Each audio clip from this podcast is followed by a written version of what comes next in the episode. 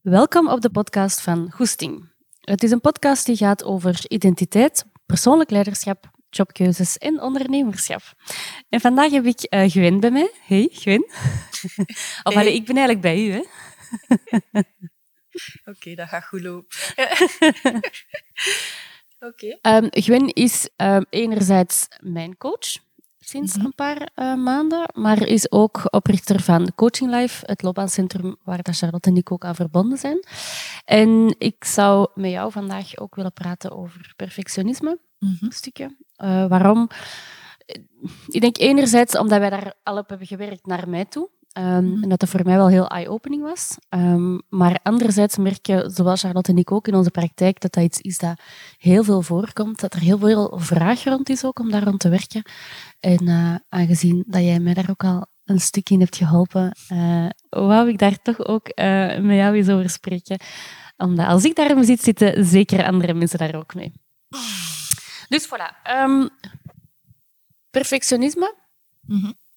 Misschien eerst even een, uh, een algemeen kader van ja, wat, wat is dat juist? Mm wat dat perfectionisme is, um, is in de volksmond, we zullen daarmee beginnen, is meestal de lat te hoog leggen. Ja. Um, dan kunnen naar officiële diagnoses gaan kijken. Ik ga die niet in de praktijk gaan gebruiken. Um, meestal als er iemand bij mij komt met een vraag naar perfectionisme, is het omdat, zoals ik net al lachend zei, als de flair hebben gelezen en de zelftest voor perfectionisme hebben ingevuld. Um, ofwel omdat ze binnenkomen en dan ze zeggen van ik heb last van uitstelgedrag of uh, faalangst. Um, of dat je gewoon algemeen merkt dat mensen heel sterk in falen slagen denken. En dat is meteen de reden waarom dan zoveel mensen er last van hebben. En we hebben een falenslagen maatschappij. En dus alles wordt afgemeten in um, ja, hoe goed zij welke score heb je, hoeveel van de tien heb je behaald. Ja. Is dat ook niet dat van jongs af aan ook gewoon in ons schoolsysteem, ja. dat er ook gewoon keihard al in? Ja, dus ja. perfectionisme wordt eigenlijk gegenereerd door het schoolsysteem. Ja. Het schoolsysteem of andere dingen ook? Um, dat is een goede vraag. Het schoolsysteem gaat de meest belangrijke zijn en de meest invloedrijke erop. Um, maar sowieso maatschappelijk zien we ook dat alles in falen en we zitten in een heel materiële maatschappij die alles op een falen slagen als gaat gaan stellen. Um, en dan zie je dat ook afgespiegeld in het gezin. Hoe? Um, dus bijvoorbeeld, uh, ik weet niet hoe dat hij bent opgevoed, maar bij mij, als ik naar huis kwam en het was, uh, als ik 9 op 10 had, dan zei mijn papa: Waarom heb je geen 10 op 10? Okay. Of als ik de tweede van de klas was, was het: Waarom ben je niet de eerste? No one remembers number two. Sorry. dus um, we kunnen zeggen dat perfectionisme eigenlijk een, een ziekte van de tijd en van de maatschappij en het opvoedingssysteem is. Ja. En als je zegt van dat begint eigenlijk ook een groot stuk in het uh, schoolsysteem, kun je dat concreter toelichten wat je daar juist mee bedoelt? Want je hebt enerzijds de punten. Mm -hmm. Heeft het daarmee te maken of ook andere zaken? Uh, je doet mij nadenken, hè, zo vroeg op de ochtend. ah, um, aan de ene kant sowieso de punten. Uw volledige zelfwaarde wordt van jongs af aan bepaald door uw punten. Um, uw zelfbeeld wordt bepaald als je vanaf, allee, ja, zei, Hans, uw zelfbeeld vanaf de lagere school wordt bepaald van, zit ik bij de top van de klas, ben ik de eerste, zit ik, weet wel, ben ik een van de losers, ben ik gewoon de middelmaat die niemand opmerkt. Um, en dan neemt dan zoveel ruimte in, in uw persoonlijkheid en bepaalt zoveel andere zaken.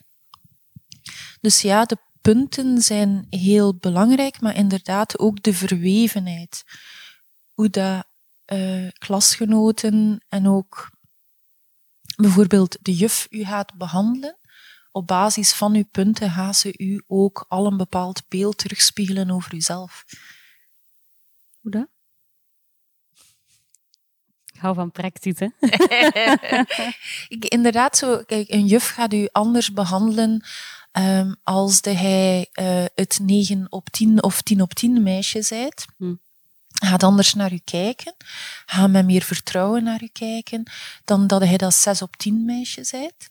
Um, nemen nu twee meisjes die alle twee rebels zijn, die alle twee zogezegd emotionele problematieken hebben of niet helemaal stabiel zijn, maar het ene haalt 6 op 10 en het andere 9 op 10, 10 op 10. Wel, bij de 9 of op 10 of 10 op 10 gaat de juf in de mate van het mogelijk haar ogen sluiten. Ze gaat dat niet zien. Ze gaat eerst de 9 op 10 zien. En dan pas als het niet anders kan, gaat ze de emotionele problematiek opmerken. Ik zeg niet altijd, hè, maar ik ben aan het general, uh, generaliseren. Maar bij de 6 op 10 gaat onmiddellijk de emotionele problematiek op de voorgrond komen. Mm -hmm. Dus zo, Hans, uw persoonlijkheid wordt eigenlijk verweven op die punten die een denkbeeldige lat zijn. Mm. Dat is het. En het, ik was onlangs ook een boek aan het lezen, dat ging dan niet over het schoolsysteem, maar over het opvoedingssysteem. En daar stond ook in, maar dat is daar heel hard mee gelinkt, van wij zijn zo gewoon van onze kinderen die net geboren zijn om te spreken in goed en slecht. Slecht misschien niet, maar vooral in goed dan. hè. Maar dat is echt maf hoe snel dat je, en hoe vaak dat je op een dag zegt, ah, kijk hoe gedaan. Ja. En ik heb zo eens een test proberen doen met mijn eigen. Ik kan dus een hele dag niet het woord goed uitspreken. En dat is super confronterend, want je zei heel de tijd, je bent geprogrammeerd om te spreken in goed en fout. En dat is ook dat falen en slagen eigenlijk. Ja, en, en dat klopt inderdaad. En bij kinderen kunnen dat doen, maar ik, um, ik ben altijd een kattenmens geweest. Katten zijn daar immuun voor, hè? voor goed of fout. Maar honden, wij zijn veel meer als honden, heb ik opgemerkt. En bij honden zie je dat heel rap. Bij een kind duurt dat langer, hè, voordat je de impact daarvan ziet. Maar bij een hond kun je echt op een paar dagen tijd zien door in welke mate dat hij goed of fout, of in welke mate dat hij bijstuurt, kun je zien hoe dat de volledige persoonlijkheid van dat dier aan het veranderen is. Dus wij zijn enorm vormbaar. Hm. Droevig. Wat zeg je? Ik vind het soms droevig. Wat vind je juist droevig? Ik vind dat droevig als, als de bedenkt als wij zo vormbaar zijn en je zit in een maatschappij die zoveel persoonlijke problemen heeft, um, die zoveel uitdagingen nog heeft, met mensen die het allemaal zelf niet weten, met volwassenen die kinderen krijgen, die zelf nog grote kinderen zijn, uh, zelf nog volledig in trauma zitten, want er is niets dat de maatschappij doet qua emotionele opvoeding. Um, en die mensen brengen dan die hoogst beïnvloedbare wezens op de planeet. Je kunt alleen maar, kunt alleen maar falen als ouder. Hè? En dan komen we weer op perfectionisme. Sorry. Is dat dan iets van omdat je er juist ook zei, van, het zit heel erg in ons schoolsysteem. Nu, niet alle schoolsystemen in alle landen zijn hetzelfde. Um, is het dan iets heel typisch Belgisch, Europi, uh, Europisch? Iets vanuit Europa, hoe, hoe zie je dat? Uh,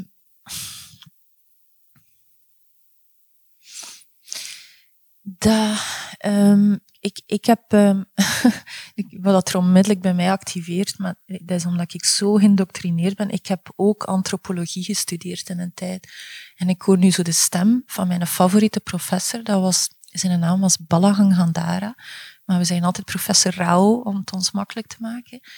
Um, en zijn stem weer klinkt nu zo door mijn hoofd van nee, dit is een koloniaal mannelijk westers discours. en, maar dat, dat klopt inderdaad. Ik, dat, dat is een van de dat is de slimste mens dat ik ooit live ben tegengekomen. Die had heel veel te vertellen en die heeft niet anders gedaan dan ons proberen de ogen openen en ons, want hij was Indisch, het zicht te geven van een andere maatschappij op onze maatschappij. En ik heb, dat, ik heb twee keer dat geluk gehad in mijn leven. Eén keer met professor Rauw en een tweede keer toen ik zelf in het Midden-Oosten ben gaan wonen. En dat ik van daaruit de media op het Westen zag en de verslaggeving. Um, en eigenlijk de maatschappij van de ogen van de buitenstaander zag. Um, ik denk dat dat twee dingen zijn die mij enorm beïnvloed hebben, die mij enorm kritisch naar onze maatschappij hebben doen terugkijken. Um, en dat ik tot op dag van vandaag nog altijd merk dat mijn mening afwijkend is op de, de modale Belg dat ik tegenkom, omdat ik het moeilijk nog van binnenuit kan zien. Wij hebben dat, dat typisch koloniaal mannelijk discours is echt een discours van um, ja, kanker. Conquer and Defeat, het echt het, is, het, Romeins model dat wij nog altijd in, in leven, zo, het, van uh, de overwinnaar, de eerste, de beste. Um, en dat komt echt uit, uit een tijd waar dat je leven ervan afhing. Hè? Als, de, mm -hmm. als je de tweede waard, overleeft het meestal nee. niet. Dus um, ik denk dat dat, dat dat echt dat typisch model is. Je voelt wel dat er daar een kentering in komt, hè? langzamerhand. In welke zin voelt je dat? En voelt dat vrouwelijk discours um, sterker aan het worden is. Als je spreekt over een mannelijk en een vrouwelijk discours, wat wil je daar juist mee zeggen? Je kunt dat allemaal inkleden zoals dat je wilt, hè, maar een vrouwelijk discours is dat we meer en meer merken dat... Allez, we komen uit een heel mannelijk discours, um, een, een heel mannelijke maatschappij. Een mannelijke manier van denken, van recht toe, recht aan. Uh, vrouwelijk discours is veel meer bijvoorbeeld als mannelijk ondernemen concurrentieel is, zie je in vrouwelijk ondernemen veel meer vanuit overvloed. Mannelijk is vanuit de enkeling. Vrouwelijk is vanuit het collectief veel meer. Um, iedereen kan dat inkleden zoals dat hij wilt, maar je begint daar een shift in te zien. Um, en letterlijk ook dat meer en meer vrouwen zie je beginnen ondernemen, beginnen uh, op hun manier zaken aanpakken. Dus dat is iets dat ik echt wel... Je ziet het ook in... Ik, je zou kunnen zeggen, ik trek het nu even door, hè, maar in mijn manier van denken, scholen zoals Freinet, uh, Steiner, zijn veel meer vanuit een vrouwelijk aards denken, aardegebonden denken, dan het mannelijk recht toe recht aan, conquer it all. Mm -hmm. ja. ja. ook veel meer vanuit het kind uh, dan vanuit inderdaad het, het rationelere cijfers, uh, resultaten en dus eigenlijk als ik um, een kleine recap mag doen, um, als je zegt van oké, okay, perfectionisme, om, om mhm. daar even op terug te komen, is het vooral, um, ja, begint het eigenlijk gewoon al van kleins af aan. Of eigenlijk ervoor al, in die zin dat het een stukje evolutionair ook uh, bepaald is. Um, vanuit het schoolsysteem, het falen slagen, uh, dat maatschappelijke verhaal, dat is eigenlijk zowel wat de essentie dan. Hè? Nog zaken waar je aan denkt? Waar denk je dat, stel dat iemand... Um, want ja, de ene heeft daar wat meer last van dan de andere. Het is ook um, als de niet de schaduwkant ervan pakt, maar alles heeft een schaduwkant, een donkere kant, maar heeft ook een reden waarom dat het installeert. Ik, de goede kant van perfectionisme helpt u wel enorm vooruit in deze maatschappij. Het willen uh, slagen, meedoen aan de concurrentiestrijd, willen vooruit geraken, willen de beste zijn. Uh, zolang dat je daarin kunt werken, ga je vooruit. Dus perfect, perfectionisme is ook een, een soort van verslaving, als het zo bekijkt. Um, dat, um, zolang dat het inzet op zijn goede aspecten, kun je meedraaien en kun je vooruit. En een dag dat er wil van loskomen, kom je in een gigantische angst terecht ah ja, maar ik ga mijn 10 op 10 moeten loslaten. Ik moet bereid zijn om de 5 op 10 te omhelzen. Oh. ja. Moet je het loslaten?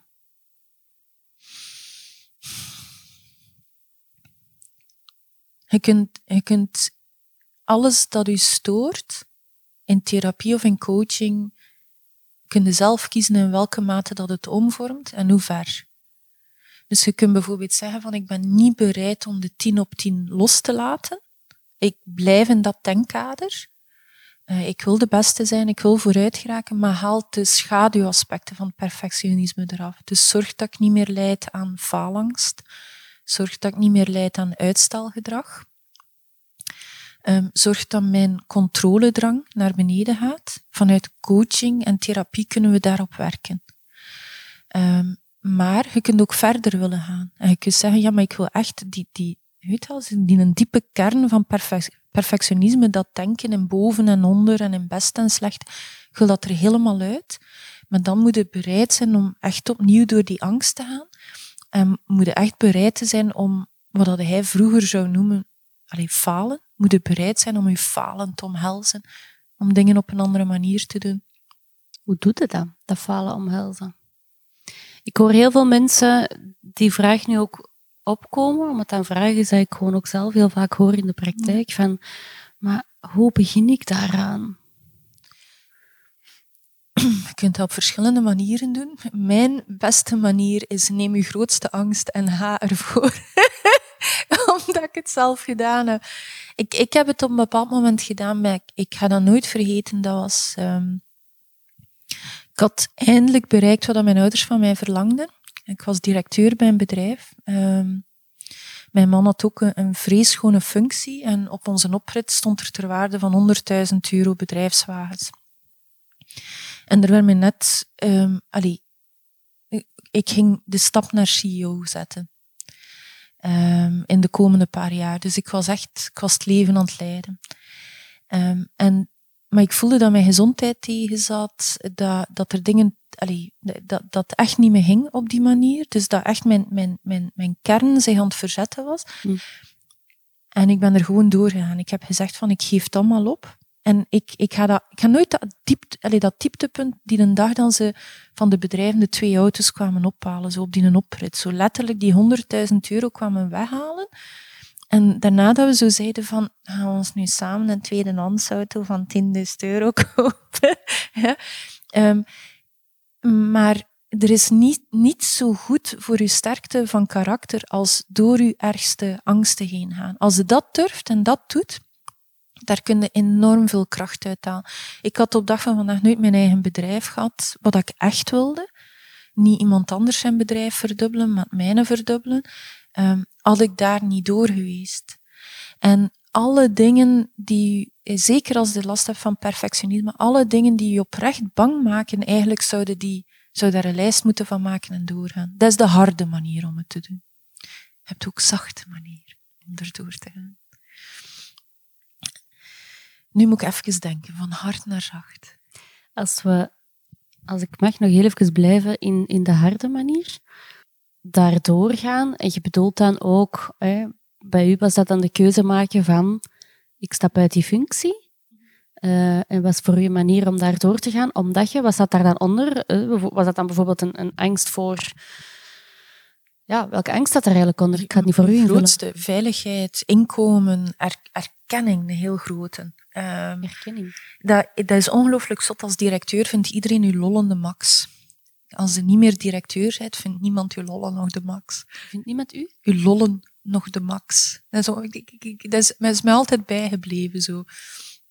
Ehm, dat is ongelooflijk hoe dat mensen u anders behandelen naar uw titel. Zeker in de bedrijfswereld. Hoe fake dat dat allemaal is. Zo, eh, dat, dat is iets dat mij echt, dat, dat er bij mij emotioneel zo heel, heel diep is ingegaan. En dat ik zoiets had van als die wereld op dat vlak zo fake is opgebouwd, waarom zou ik er ooit dan nog in blijven? Maar uw ergste angsten, meestal heb je zo diep weggestoken dat je niet eens beseft dat uw ergste angsten is. Dus vaak hebben een coach nodig om daarop te komen. Bij veel mensen is een ergste angst eigenlijk het verlies van een relatie. Het verlies van een, huis, alles dat materieel is. Dus heel vaak niet ik, op de assen van erken. Je hebt, hebt je zes assen. Hè? Eh, veiligheid, avontuur, erkenning, connectie, groei en support. Ehm, en je je gaat gewoon op die assen gaan kijken. Dat zijn degenen die er diepst in gaan. Ehm, ja, wat geeft u erkenning? Waar haalde hij uw erkenning uit? Ehm, connectie. Wie zijn uw belangrijkste eh, banden in het leven? Ehm, en ik zeg niet dat je moet weglopen bij je partner, maar gewoon al een keer, mm, allee, als, als ik als coach tegen iemand zeg, zijn je bereid om een keer een maand verlof te nemen van uw relatie en een keer te exploreren hoe dat hij voelt op uzelf? Als de persoon niet bereid is om dat te doen, ik voel onmiddellijk hoeveel angst dat er daarop zit, dan is er ook een probleem in die relatie. Dat is het voorbeeld van connectie. Hè? Ja. Ehm, spar hoor ik ook. Mhm. Hoe ziet je dat? Support ehm, zit bij de hogere. eh, support en leervermogen zit bij de hogere. En meestal zit er daar iets minder angst op dan op de eerste vier. Wat dat veiligheid, avontuur, connectie en ehm, erkenning zijn. De support, gedragenheid en leervermogen, als die geïmpacteerd worden, gaat dat iets minder diep. Dus leervermogen is de, ehm, in welke mate kan het mij ontplooien als mens. Dus inderdaad, als dat wordt afgenomen, lijkt nu in de corona, eh, de meeste van ons in het laatste jaar hebben bitter weinig echt diepgaande opleidingen kunnen volgen. Mij doet dat echt pijn, maar het is maar bij een klein deel van de bevolking dat dat er echt diep zou inhakken. Mhm. Support is uw netwerk, uw gedragenheid. In welke mate voel je gesteund in de Mhm. wereld en in de maatschappij? Opnieuw is belangrijk, maar zit bij de hogere. Mhm. En we zien in de coronatijden dat de nood voor connectie meer geïmpacteerd wordt vaak dan de support. De support. Ja. Ja. ja, want als ik dan kijk naar uw eerste, heb je veiligheid genoemd. Ja. Dat is echt ene dat ik ook heel hard merk in sessies, dat, dat mensen een enorme drang naar eh, controle of, of heel veel belemmerende gedachten krijgen of perfectionisme, omdat ze een angst hebben voor, dat is dan wel het financiële, financiële onveiligheid of financiële onzekerheid. En dat dat mensen echt bevriest ook. Ah, maar dat is, dat is logisch. Hè. Veiligheid is nummer één. Ja. En als u niet veilig kunt voelen qua basis, qua eten, qua uw, uw dak boven uw hoofd, dat, dat roept zo'n diepe angst Mhm. in u op. Dat is de vroegere 10 op 10. Mhm. Ehm, maar nu gaat dat veel... Allee, dat is daar ook allemaal aan ver- verbonden. Hè. Je moet je inbeelden in het lagere, uw 10 op 10 is emotioneel door de juf en door je ouders en door het systeem verbonden geweest met een 10 op 10 betekent later een groot huis, een dikke Mercedes, weet wel, een, Mhm. een, schone job. Een 6 op 10 betekent je gaat je rekeningen niet kunnen betalen, dergelijke. Het zit allemaal verweven, het zit heel diep. Ja? En, dat zijn, en neuraal is dat, allee, dat zijn grote brokken in, in ons denken, in ons voelen. Dus dat neemt heel veel ruimte op. Toucheert daaraan en iemand zijn angsten, je kunt niet meer werken in, in coaching. Je moet die daaruit krijgen. Mhm. Ehm, dus veiligheid is echt een heel belangrijke. En waar dat je kunt, ehm tracht te... Dat is ook een tip, dat ik, mensen die met perfectionisme struggelen, struggelen bijna altijd met controle. Het is een controlesysteem om de angst voor falen, voor het verlies van eh, af te wenden. Ehm, opnieuw, je kunt daar hard door gaan. Je kunt zeggen van, ja, maar wat als je gewoon door die angst gaat? Wat is het dat er gaat gebeuren? Een zachte manier is ehm, dat de... Ik ga het anders zeggen. We hebben de illusie dat onze persoonlijkheid één geheel is. Maar dat is niet zo. Wij hebben allemaal deelaspecten. Dus we hebben allemaal in ons dat kleine meisje dat bang is om te falen. We hebben allemaal een oude, wijze vrouw in ons. Ja, De we strenge. ja, een bitch in ons op de juiste. En beeld u nu in dat dat Hans Dorp is. Ehm, wat dat we gaan doen in de zachte manier is, we gaan zeggen van kijk, er is ruimte nog voor dat klein meisje dat bang is om te falen in bepaalde aspecten van uw leven. Maar in andere domeinen gaan we langzamerhand iemand beginnen opbouwen dat er wil zijn. Ehm, en gaan we die aspecten beginnen integreren in een domein dat hij je veilig en goed in voelt. Dus dat kan, eh, bijvoorbeeld, dat kan in een hobby zijn. Ehm, hoe kun je ervoor zorgen dat je niet ehm, constant overstrest op je cursus pottenbakken aankomt en dan vlug je potjes draait en dan nog een beetje naar die anderen zit te kijken, want die haar potjes zien er beter uit dan duwen, kennen we? Mhm. Maar bijvoorbeeld in je hobby van pottenbakken, hoe kun je zorgen dat je uitgerust en op tijd toekomt, dat je met een intentie toekomt van eh, dit is nu tijd voor mezelf, voor mijn eigen ontwikkeling. Dat als je ziet dat de persoon naast u zogezegd schonere potjes aan het bakken is, dat een keer glimlacht naar je eigen klein meisje. Ja, en op dat moment zegt van, nee, nee, nee, dat was jouw manier van denken. Dat hebben ze je aangeleerd. Maar dat potje en mijn potje zijn al twee uniek. Hm. Ehm, ik neem nu een simpel voorbeeld en een kleintje. Hè. Ehm, maar je begint ergens in een domein van het leven waar dat veilig aanvoelt, het nieuwe gedrag aan te leren. En van daaruit gaat het uitbreiden naar domeinen die moeilijker zijn. Dus echt leren fietsen op een driewielerke, tot als we uiteindelijk de Mont Blanc kunnen beklimmen. Hè. Ja, en dat is enerzijds, als ik het zo hoor, ehm Gwen zegt die yes, want ze heeft het goed kunnen uitleggen. We hadden het drie keer opnieuw gedaan. Ehm, nee, ehm, dus enerzijds gaat het erover dat je ook ergens in de moment jezelf kunt observeren en je gedachten eigenlijk kunt observeren van hè, dat je eerst denkt van ah shit, mijn potje is niet goed genoeg, dat van mijn buur is veel beter. En dat je eigenlijk dat dan ook ergens kunt accepteren. Ja. Heeft het daar dan ook mee te maken van het accepteren van het is ook helemaal oké. Ehm, dat- En inderdaad, wat hij nu aanhaalt, zijn principes die heel sterk in de mindfulness zijn Ja. ontwikkeld. Ja. Ehm, dat is een stroming ehm, dat ik ook altijd heel favorabel heb bekeken. En dat niet slecht is als de leidt onder perfectionisme om bijvoorbeeld niet in een cursus mindfulness te volgen. Want dat leert u één, om in the moment te zijn. Twee, oordeel los te laten. Drie, echt in uzelf aan te komen en wakker te worden. Um, je leert daar echt mooie kwaliteiten bij die al heel veel van dat kotjesdenken, hokjesdenken gaan loslaten. Hm. Hokjesdenken naar jezelf toe. Ja, en naar anderen toe. En naar anderen, ja. ja. Want hoe harder dat je voor jezelf bent, hoe, ja, hoeveel, ja, mensen die heel veel oordeel voor hunzelf hebben, hebben het ook voor een ander. Ja, hoewel dat ik ook wel vaak merk dat mensen naar anderen toe uh, ook wel heel mild kunnen zijn en, en heel veel het milde advies uh, kunnen geven. En dat dat dan naar hunzelf net totaal tegenovergesteld is. Dat is in de bewuste laag. Wat? Dat is in de bewuste laag. Ja, dus je komt soms in de bewuste laag toe dat mensen heel kritisch naar hunzelf toe zijn en dan veel te zacht naar anderen toe. Ja. Maar als de zo een laagje gaan dalen, um, zie je dat um, intens oordeel gaat op alles, niet enkel op jezelf. Um, dus dat is een illusie dat iemand die te hard voor zichzelf is, te zacht voor de buitenwereld is. En je ziet dat vaak, eigenlijk is dat een soort van façade. Ik ben super lief voor Hans, de rest van de wereld. En die doet dat zo perfect en zalig. Um, en maar bij mij is het nooit goed genoeg. Weet wat, iedereen zijn potjes ik weet niet, mooi in de cursus. Ja? En mijn is zo lelijk. Dat is een façade dat je ontwikkeld hebt als kleins af aan, zodanig dat mensen u leuk zouden vinden omdat hij lief voor hun zijt en hun omhoog duwt en uzelf naar beneden, zodanig dat het niet zou afgewezen worden. Dat is terug die as van herkenning. Ja, en dus fake. Als je daaronder gaat en je graaft dat af met een persoon, daaronder zit er gewoon heel veel kritiek en oordeel naar anderen en naar jezelf. Ja. Stel dat iemand zich herkent in wat jij nu zegt. Hè, van, um, dat ik kan me inbeelden dat het best heftig is om te horen van ja, dat is fake. Hè? Uh, hoe stofte dat af? Hè? Want je hebt er juist ook gezegd, dat je hebt de harde manier en je hebt de zachte manier.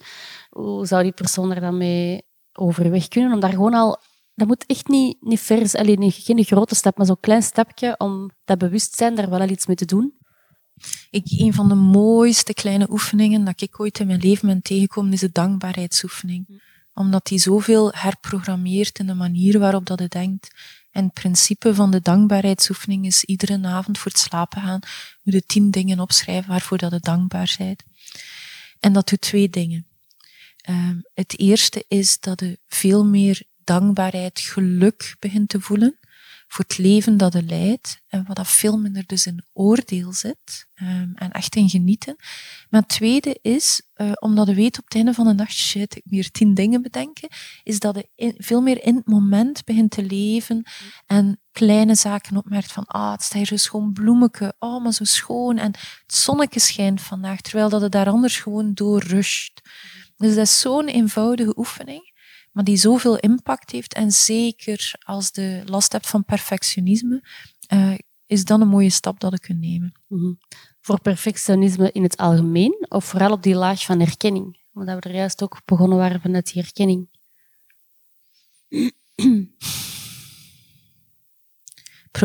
Perfectionisme is gewoon heel erg gelinkt met de as van de erkenning. Hè?